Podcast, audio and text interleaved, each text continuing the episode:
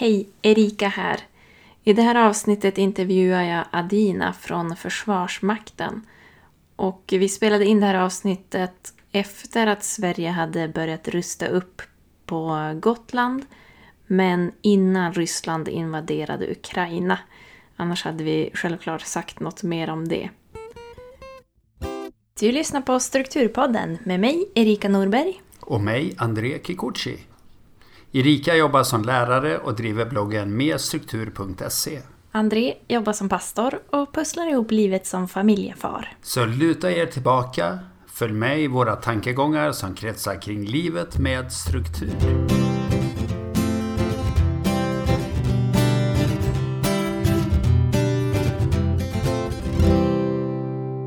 I dagens avsnitt pratar jag med Adina Engqvist som är fänrik inom Försvarsmakten, stationerad på Gotland där hon tillsammans med sambon rustar upp en charmig gård.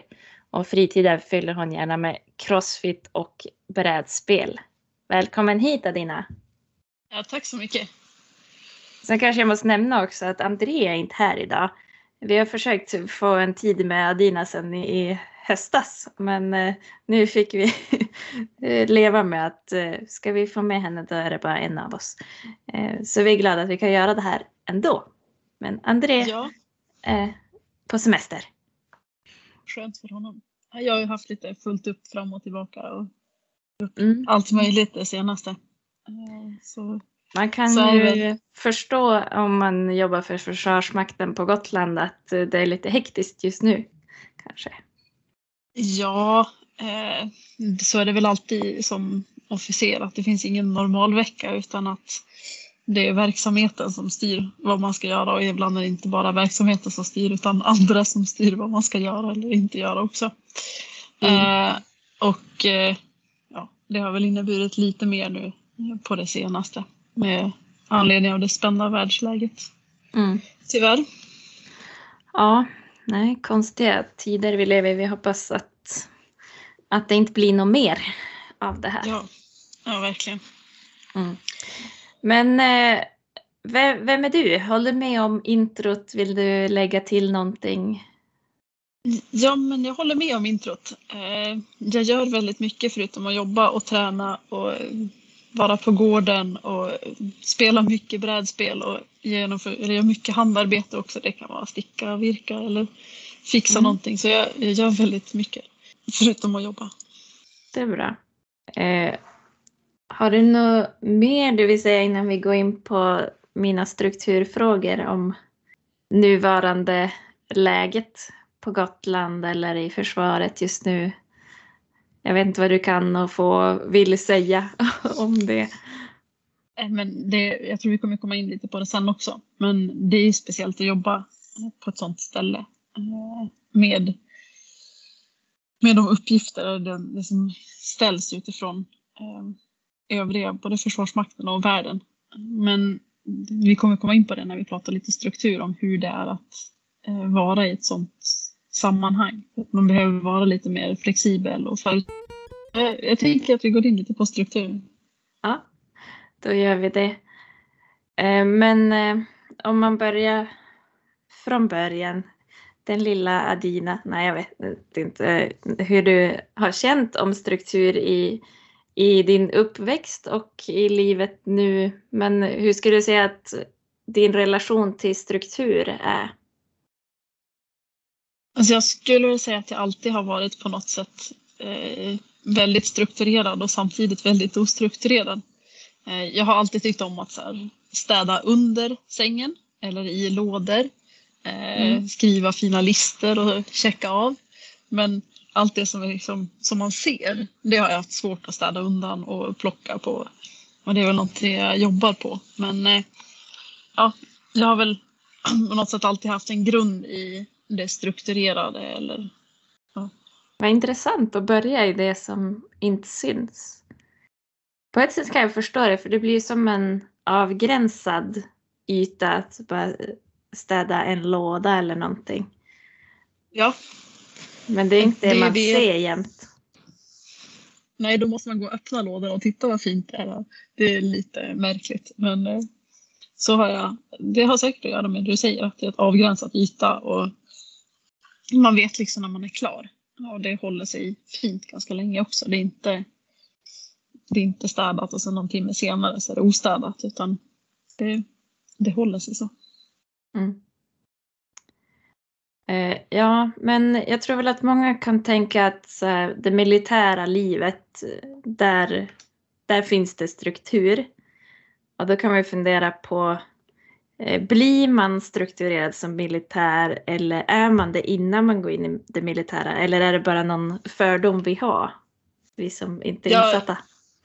Jag frågade några kollegor om det här och de sa att man blir absolut strukturerad av att vara militär. Jag var inte alls militär, eller var inte alls strukturerad innan jag blev militär, sa några av mina kollegor. Och jag tror att det ligger mycket i det. Sen så finns det nog många militärer som redan är eller var strukturerade innan man började eh, i Försvarsmakten. Mm. Mm. Men strukturen tror jag är en del för att hantera det som är det som kräver att vi är flexibla och eh, tar åt oss av nya uppgifter, att man måste ha en struktur i det. Då. Mm. Så att det inte blir för stort eller för främmande eller för, eh, för ohanterbart. Mm. Men jag gillar att du som kopplar ihop struktur och flexibilitet, att, att de är en förutsättning för varann, även om det Mm. på ett sätt kanske räknas som motsatser, att vara strukturerad eller flexibel. Men, men jag håller ju helt med om att det är lättare att vara flexibel om jag har en grundstruktur så att vissa grejer bara funkar eller vissa grejer går på rutin så är det lättare att, att vara flexibel med det andra. Oftast. Ja, precis. Vi jobbar mycket med något som vi heter eh, stående order, alltså rutintjänst, vad, som, vad vi alltid gör. Och då behöver man bara eh, ändra eller reglera det som inte är i den stående ordern. Så att det gör att ja, men vi vet hur vi ska göra och så blir det alltså, något som reglerar om det inte är och det blir lättare att vara flexibel. Sen pratar vi ofta mycket om att det ska finnas ett syfte med det vi gör. Att det är viktigt att beskriva hur vi ser framför oss. Att när vi är klara så har vi gjort det här eller då är det här klarat och varför vi ska göra det.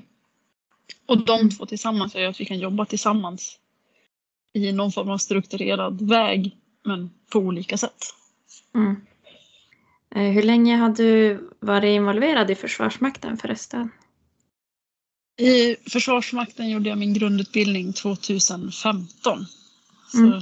det blir sju år nu. Ja. Och sen har du vidareutbildat dig till officer då? Eller? Ja, precis. Jag jobbade två år som soldat och därefter var det tre års officersstudier och nu har jag jobbat ett och ett halvt år som fänrik. Eh, Finns det någonting som man kan eh, lära sig från det militära in i det vanliga livet? Kan det vara en hjälp i vardagen att ta med sig någonting därifrån? Ja, det tror jag. Eh, absolut. Ehm, jag har eh, pratat lite om att vi genomför, eller ger order och syfte och att det finns en struktur när vi ger order. Eh, så jag har skrivit ihop ett litet exempel. Vanligtvis när vi ger en order så består den av tre olika delar. Vi kallar det orientering, något som beskriver situationen och syftet varför vi ska göra det vi ska göra och annat som skulle kunna påverka det vi ska göra. Mm. Sen nästa del, det är ett beslut. Ja, det är alltså övergripande vad som ska göras, i vilken ordning. Och sist har vi orden, vem som gör vad. Där går vi in på detaljerna lite mer. Och det är något som går att använda även utanför det militära. Ehm, ja, ett exempel är att man skulle kunna bjuda in, eller vi ska bjuda in några gäster till en middag. Och då skulle det kunna låta så här eh, vi ska ha en trerättersmiddag här med fyra gäster imorgon kväll. Det är några vi inte har träffat på länge och vi vill ha väldigt trevligt tillsammans. Men först måste vi städa så att utrymmena vi har är fina. Sen ska vi handla och laga mat så att det är klart innan gästerna kommer. Erika, du bestämmer vad som ska serveras så börjar jag städa och sen åker vi till affären tillsammans.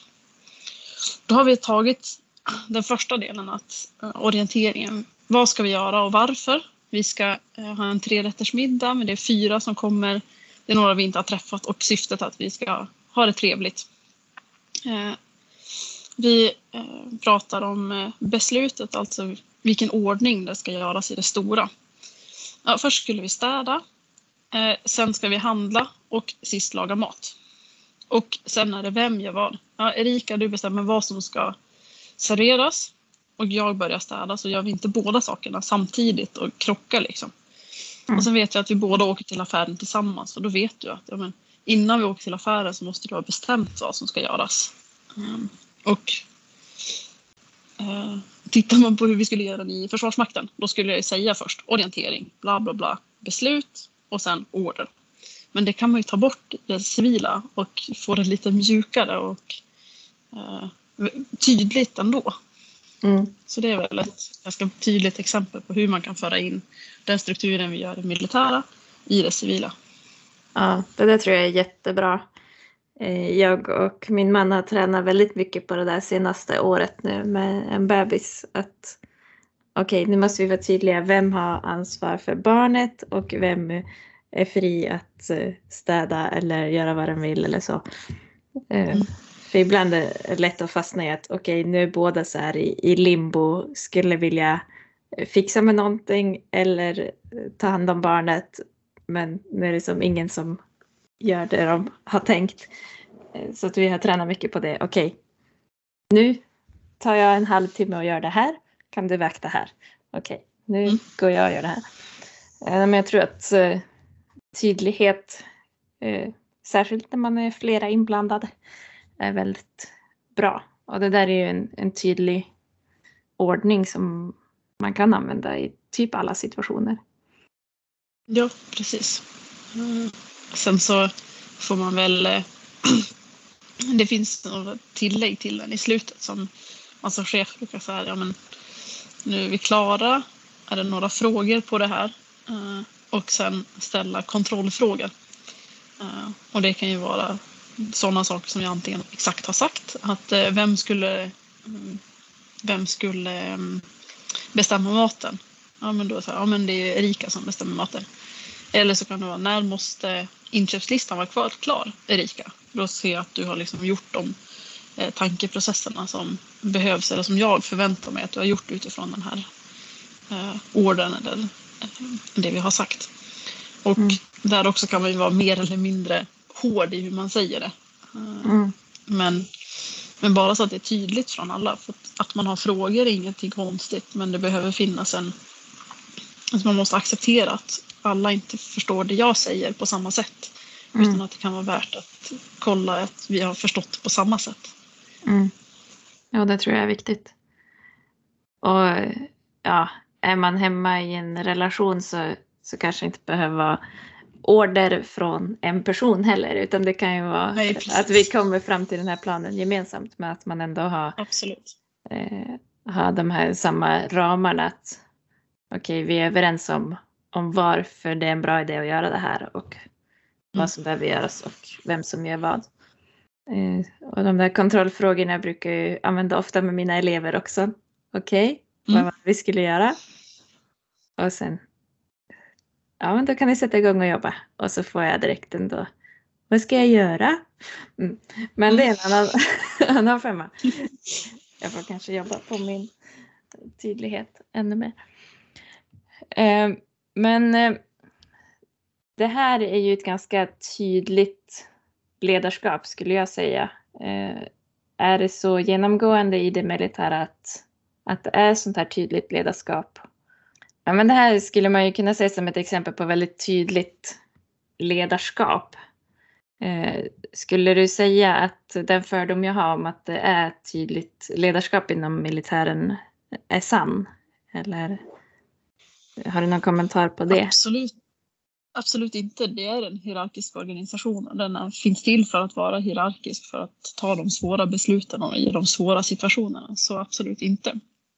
Eh, mm. Det, det, är väldigt tydligt vem som är chef på plats, både i det högsta och i det lägsta. Eh, mm. Det, det, är så vi jobbar. Eh, mm. Samtidigt så pratar vi mycket om ledarskap och hur det betyder inte att det är en som bara säger ja, det är bara så här det ska genomföras, utan att ta med dem man har runt omkring sig. Mm. Jag är i en pluton eller i en större grupp om man tar det mer civilt så, som jag leder som har väldigt många olika speciella kompetenser. Och där kan inte jag gå in och säga exakt så här ska vi göra för att det kanske är fel. För att jag vet inte allt som är bakom och jag vet inte de här små detaljerna utan där har jag mina soldater och specialister som säger att det är så här det ska göras. Och så får vi liksom diskutera det tillsammans och komma fram till det bästa. Sen så är det jag som fattar det yttersta beslutet. Då. Men att man tillsammans kommer fram till en bra lösning utifrån vad, vad jag vill. Eh, eller en annan chef, högre chef än mig vill. Eh, och där tror jag att det är typ viktigt att man pratar om varför gör vi det här? Vilket syfte finns det till att vi ska göra det här? För då kan vi samlas tillsammans och säga men det gör att vi eh, jag kan bidra med det här och någon annan kan berätta att ja, men då kan vi göra så här istället. Och där krävs att man är öppen och lyhörd för att saker genomförs på ett sätt som man själv inte exakt har tänkt.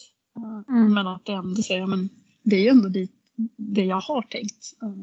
Att ha de två grejerna samtidigt i huvudet. Det tror jag är viktigt. Inte bara i Försvarsmakten eller militären. Mm. Men, jag, jag, jag tänker att tiderna har förändrats ganska mycket där. Eh, jag intervjuade min mormor för eh, några år sedan om hennes skolgång. Och då var en fråga jag ställde att eh, ja, men nu är det mycket att man ska tänka själv och sånt där. Hur var det eh, när du gick skola? Och då sa hon att äh, man skulle nog inte tänka själv på den tiden. Eh, utan det var man, man lyder det läraren säger. Ehm, mm.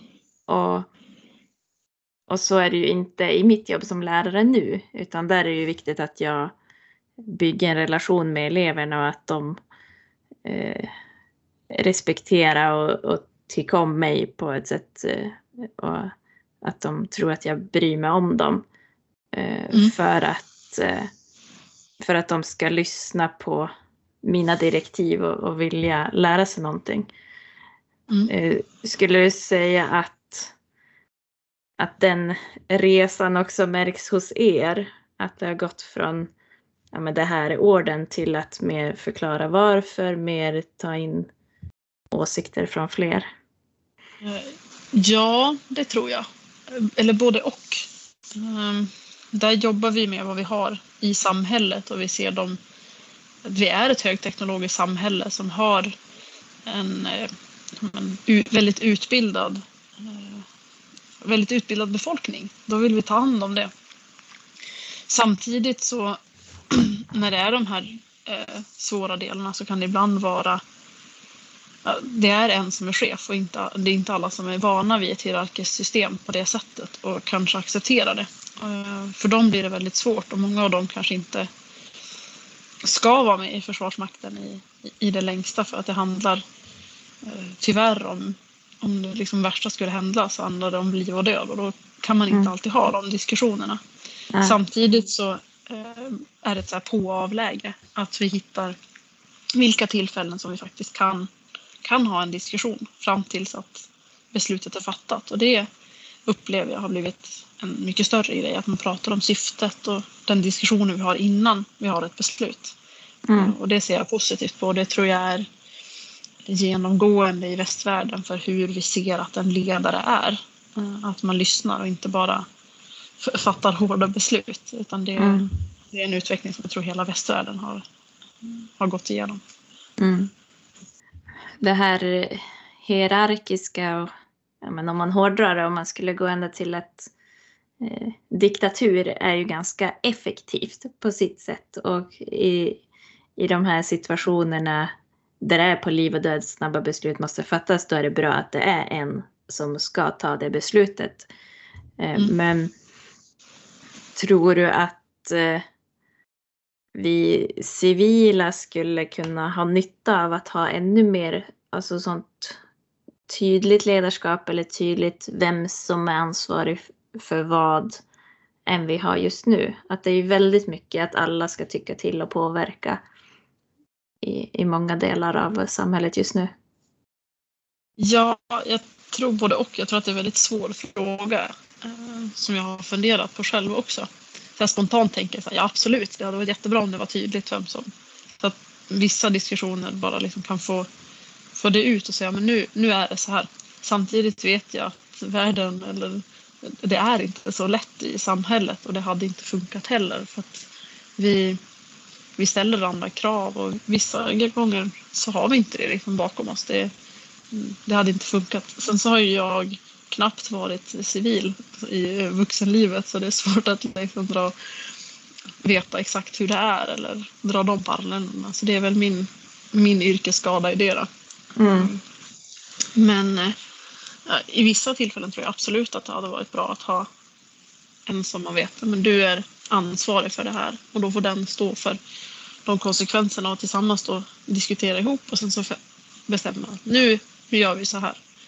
Men det kräver också att alla under eh, inrymmer sig att jajamän, nu är det här beslutet fattat och då är det det vi ska göra. Även om det var inte Även om det inte var min idé eller om jag tyckte att det, jag personligen tyckte att det var det sämsta beslutet. Så i och med att chefen nu har sagt det, eller den som är ansvarig har sagt det, då betyder det att jag måste ändra mig och tänka att jajamän, det här är det bästa beslutet så nu ska jag göra allt för att det ska bli det bästa beslutet. Mm. Uh, och just den omställningen tror jag hade varit bra. Uh, så här, men, hur man backar upp andra. Liksom. Ja. ja. men det känner jag igen en del från, från skolan också. Det blir mycket koppling till skolan idag. Uh, ja. Men att ja, men vi kan ju diskutera till exempel vilka regler som ska gälla på skolan. Om, ja, men allt ifrån hur, hur man startar lektionerna till ska man få ha ytterkläder inne, ska man få ha tuggummi, godis och så vidare. Får man ha det i klassrummet, får man ha det i korridoren, får man ha det på skolområdet.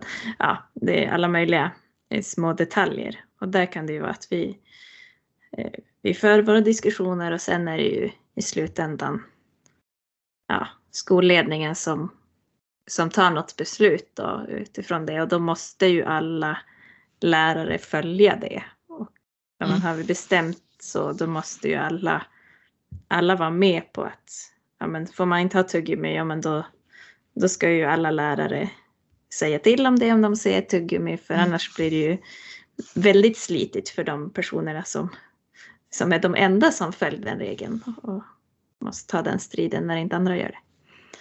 Ja, det blir väldigt urvattnat i vad det egentligen betyder, de regler man sätter upp. Mm. Tyvärr. Ja, så att jag tror väl att de flesta upplever någon gång i sin arbetssituation att ja, nu, nu gällde en regel eller nu, nu är det någonting som, som inte var det jag ville, men det är bara att rätta sig efter det. Mm. Men jag, ja. Jag, jag vill ju ha båda delarna på ett sätt. Att, att man får vara med och tycka till. Men inte att det blir diskussion i oändlighet och fastna i, mm. i byråkrati hur länge som helst. Att alla ska få tycka till. För i alla frågor så behövs inte det. Eller det tar för lång tid. Och då kanske mm. det skulle vara bättre att bara ledningen tar ett beslut och så är det så. Mm. Och det jag tror att eh, man måste komma ihåg där också det är att även om ett beslut är fattat så går det ofta att ändra på det efter om man har andra alltså argument till. Nej, men nu, nu blev faktiskt inte det här bra. Och det krävs ju av de chefer eller ledare att lyssna på det också. Att våga ta beslut för att det ska... Man kanske minskar tiden för diskussion. Och sen så accepterar man det och sen efter ett tag så vågar man lyfta upp att men nu, nu är det ju så här, det här blev ju inte jätte, jättebra, kan vi inte göra så här istället? Och då är det en bra ledare och chef så lyssnar de och säger nej men det är helt rätt, det, det blev inte helt bra, men då byter vi till det här och sen så står man efter det. Mm. Men det betyder inte att så fort ett beslut är fattat att man ska gå in och peta i allt. För att då, då blir det lite det vi pratar om, att det blir väldigt urvattnat. Mm. Ja, nej, man får ju välja sina strider kanske men, men har man testat någonting och inser att det här blev inte bra så är det ju bra att ta upp det. Ja, precis. Tyckte du att det i dina sammanhang har, har fungerat att, att ta upp sådana saker? Att det Ja, tycker jag ändra absolut. på sådana beslut. Ja, det gör det. Eh, Sen vissa beslut vet man att men de här kommer inte ändras av många olika skäl. Eh, Mm. Och andra så är det absolut. Vi hade en diskussion tidigare på regementet avseende vilken jacka vi skulle ha på oss nu när det var vinter. Och huvudbonad, alltså om det var eh, fältmössa eller keps eller basker. Eh, Mm. Och då blev det beslutat först och sen så bara, men det här, det här håller inte, det, här, det funkar inte. Då lyftes det uppåt, eh, från längst ner uppåt och sa vi, nej men nu, det, det här är det andra alternativet. Ja, men då fattades det ett beslut att jajamän, men bra förslag, vi ändrar så att det är så här. Då, så det är ett väldigt tydligt sätt som kanske är lite kopplat till skolan, då, om man får ytterkläder på sig eller inte. Men Mm. även sådana saker är det klart att vi har dialog om och man måste acceptera att men nu, nu blev det det här beslutet och sen får man lyfta upp det. Varför inte? Och sen ofta sker det någon form av förändring då om man är, har underbyggda argument eller så. Eh, Men du var inne tidigare på att eh, du har många i din pluton som har olika kompetenser. Eh, Jag tänker att de Mm. kanske också har lite olika bakgrund. Eller jag vet inte hur det är. Men hur ser du på det? Att få ihop olika individer, olika kompetenser, olika bakgrunder i en och samma grupp. Eh, Ser du någon styrka i det? Finns det svårigheter i det? Det är både styrkor och svårigheter, absolut. Det svåra är väl det du nämner i början, att men hur får jag in alla att tycka likadant, eh, om man uttrycker sig slarvigt, eller att gå i samma riktning. Mm. och eh, alltså tillsammans jobba ihop sig. Eh, och det tror jag mycket att, men, jag är inne på det igen, men, tydligt syfte och tydligt vad, vad vi ska uppnå. Då kan vi göra det tillsammans oavsett bakgrund eller, eller andra liksom, eh, kompetenser eller infall. Mm. Men samtidigt så ser jag det som jätteviktigt att vi är olika för att det gör ju att vi blir bättre. Vi blir, um, vi blir mindre förutsägbara. Alla är inte stöpta i samma form och tänker exakt likadant utan att vi kan tänka på olika sätt. Och då måste vi ju också som chefledare inte låsa in och säga att det bara är så här eh, vi gör utan här kom det en annan idé. Ja, men den går ju faktiskt mot samma mål eller samma syfte. Då superbra, vi kör på det. Då, att man vågar tänka igenom och våga vara kritisk mot sig själv och sitt eget tänkande. Mm. Eh, Då, ja, det, det gör oss bättre. Mm. Finns det mångfald i Försvarsmakten eller är det en väldigt homogen grupp? Hur skulle du säga i din Ja. erfarenhet? Det beror ju på vad man menar med mångfald. Eh, Mm. Det finns många olika definitioner med det, av det. Eh, Sen så, jag upplever att det finns en mångfald. Sen så kanske inte den är, den är på något sätt ändå homogen. Alla har gått igenom samma mönstringsförfarande så det är ju de som är mer tränade i samhället än i övrigt. Eh, Och det finns, och alla har gått igenom liknande eller samma grundutbildning så alla har ju gått på något sätt samma väg någonstans. Så på det sättet är vi väl till del homogena men samtidigt så är det väldigt många olika bakgrunder. Det är från olika ställen i Sverige, olika samhällsklasser, olika... ja, Man kommer från olika ställen eh, och även ja, olika kön. Det, vi, är både, ja, vi är blandat liksom. Så jag tycker att vi absolut har en mångfald i Försvarsmakten. Sen så kan man alltid jobba på det ännu mer och bli än, än mer blandade. Men eh, Mm. Men eh, jag antar att oavsett eh, så, så blir det olika åsikter och eh, tankar som möts. Så är det absolut. Eh, Alltså alla, alla individer har ju ett sätt att vara eller tänka eller tycka. Och ju fler man samlar ju, ju mer olika åsikter får man. Och det, det är roligt att höra. Det kan vara utmanande ibland men det är oftast väldigt roligt att ge mer. Liksom. Mm. Ja, Mm. Eh, nu får vi se om du stannar i det militära eller går på ditt privata liv. Men vi brukar ha ett återkommande inslag i Strukturpodden som vi kallar för Bra, bättre, bäst. Där bra är hur det är just nu. Något som är okej okay, men som du skulle vilja förbättra. Och bättre är kanske första steget mot det som är bäst, som är drömläget. Har du mm. någon sån tanke? Jag har funderat mycket på det här. Uh, och nu kanske det här låter väldigt konstigt, jag som tränar mycket och så. Men det jag har som jag jobbar ständigt med, det är uh, min egen kost. Att äta tillräckligt mycket mat och få, uh, få liksom i mig allt det jag vill. Det är väl det bästa läget. Att få i mig allt jag behöver. Mm. Och att laga den maten även när jag är ledig. Och så. Det är väl Eh, bäst läget. Eh, och just nu så eh, bra, det är väl så här, ja, men, att jag äter alla mål mat jag skapar då. Det låter så mm. väldigt basalt men det är väl det som jag har det svåraste med. Och sen så bättre att äta, alltså inte bara äta tre gånger per dag utan att äta bättre varje dag. Mm. Både bättre i eh, tillräckligt mycket av de olika näringsvärdena men också tillräckligt mycket. Mm.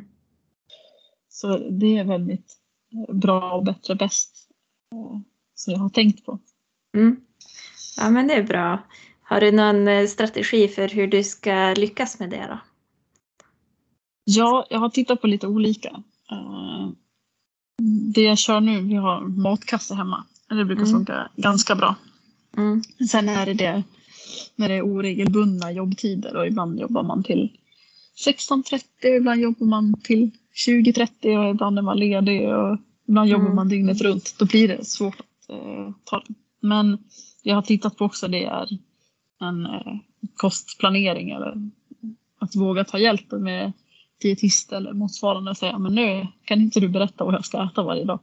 Mm. Uh, Alltså så får man fasta recept och sen eh, till det så för att jag ska veta att det är tillräckligt. Eh, att eh, väga och mäta sig så att jag inte går ner i vikt för det är inte vad jag vill göra. Och samtidigt vill jag inte, ja, jag kanske går upp något kopplat till muskelmassa och sånt. Men att jag når mitt mål i det så att inte, jag, jag ligger stabilt liksom. Mm. Ha, har energi för att klara och orka det jag vill om dagarna. Mm. Jag minns att Gunde Svan sa någon gång att bland det skönaste med att sluta elitträna var att han inte behövde proppa i sig så mycket mat hela tiden. Ja, kan... Du har väl kanske inte riktigt, inte riktigt hans nivå kanske, men du tränar ju väldigt mycket ändå. Eh, och ja. har väl den kroppstypen att eh, det behövs mycket energi in. Ja, ju mer man ju mer aktiv man är, ju mer eh, energi behöver man ju också i form av mat. Och att få i sig allt det, det kan vara rätt kämpigt. Mm. Speciellt om man inte aktivt väger och mäter det utan man bara går på känsla. Mm. Då äter man oftast för lite. Ja. Musklerna äter ju väldigt mycket energi bara i sig. Ja. Har jag hört av de som har sånt. nej, nej, jag ska inte vara sån. Men det är inte riktigt på samma nivå för mig. Eh, men har du någon prova på då som lyssnarna kan testa den här närmsta veckan? Ja, det jag har tänkt mycket det är att, eh, eller det jag har pratat om mycket, det är att våga säga syftet eller ett mål med, ja men det här ska vi ha gjort. Mm. Eh, det skulle kunna vara att, ja men när vi går och lägger oss på fredag så är de här rummen städade. Ja, då behöver jag inte kanske lägga mig i exakt hur det ska göras. Om det nu dammsugs först eller lådan blir städad först. Men alla vet att ja, men, det ska vara städat och då istället för att gå in med min egen tanke att ja, men, det är exakt så här det ska göras i de här stegen. Så om vi båda är överens med syftet och målet, ja, men, då kommer vi göra det på det bästa sättet och våga lita på det och våga ge det utrymmet eh, till andra. Mm. Även om det kan rubba dina egna cirklar och så. Det är väl det läskigaste. Men eh, är man tydlig med vad vi vill uppnå så våga släppa lite. Mm. Ja, det tror jag är jätteviktigt om man ska få andra att hjälpa till med någonting. Att man inte går in och, Ja. att man inte går in och detaljstyr precis så här ska det vara. Och kan man inte då får man göra det själv brukar jag säga. Men, eh, men jag tror att man har mycket att vinna på att ja, men bara vi är överens om vad som ska bli gjort och varför. Och då, då kan vägen dit se ut som den vill. Det, Ja, precis. Bra råd. Det får ni testa där hemma. Är det något mer som eh, vi inte riktigt kom in på som du har tänkt på eller som du skulle vilja att eh, vi civila förstod om, om ditt jobb eller någonting annat?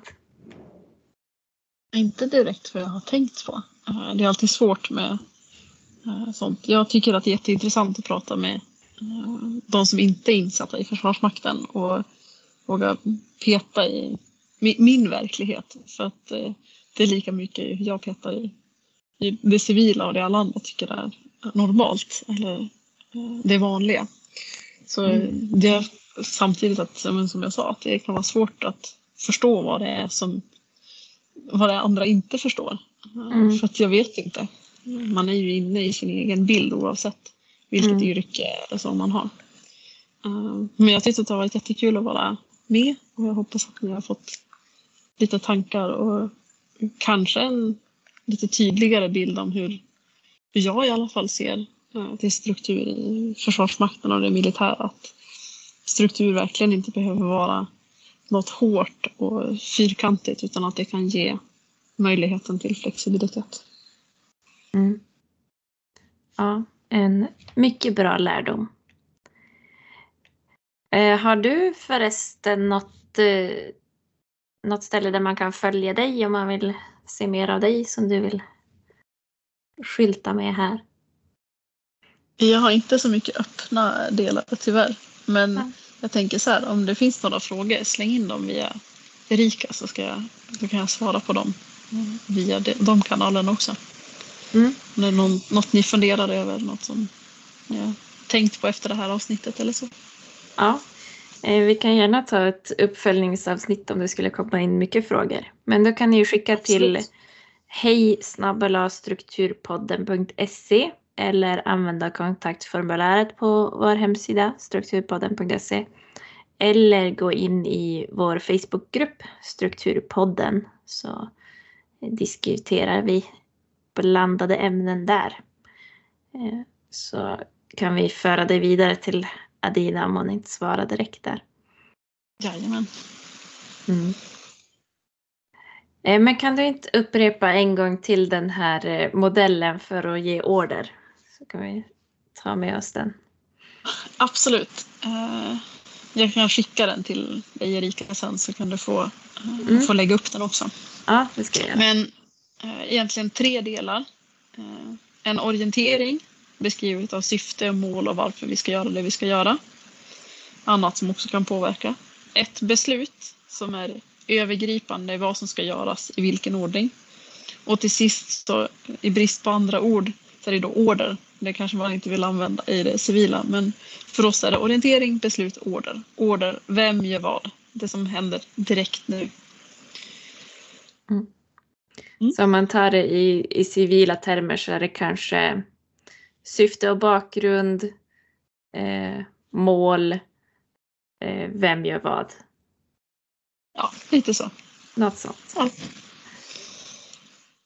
Och så kommer ni ihåg veckans prova på att vara tydlig med syfte och mål och inte så kinkiga om vägen dit. Precis. Ja, men stort tack till dig Adina. Jätteroligt att vi fick till det här till slut. Ja. Och tack till er som har lyssnat. Ni får jättegärna dela den här podden med andra om ni gillar den. Eh, Och tack till Samuel Lundbäck som redigerar det här avsnittet. Hej då!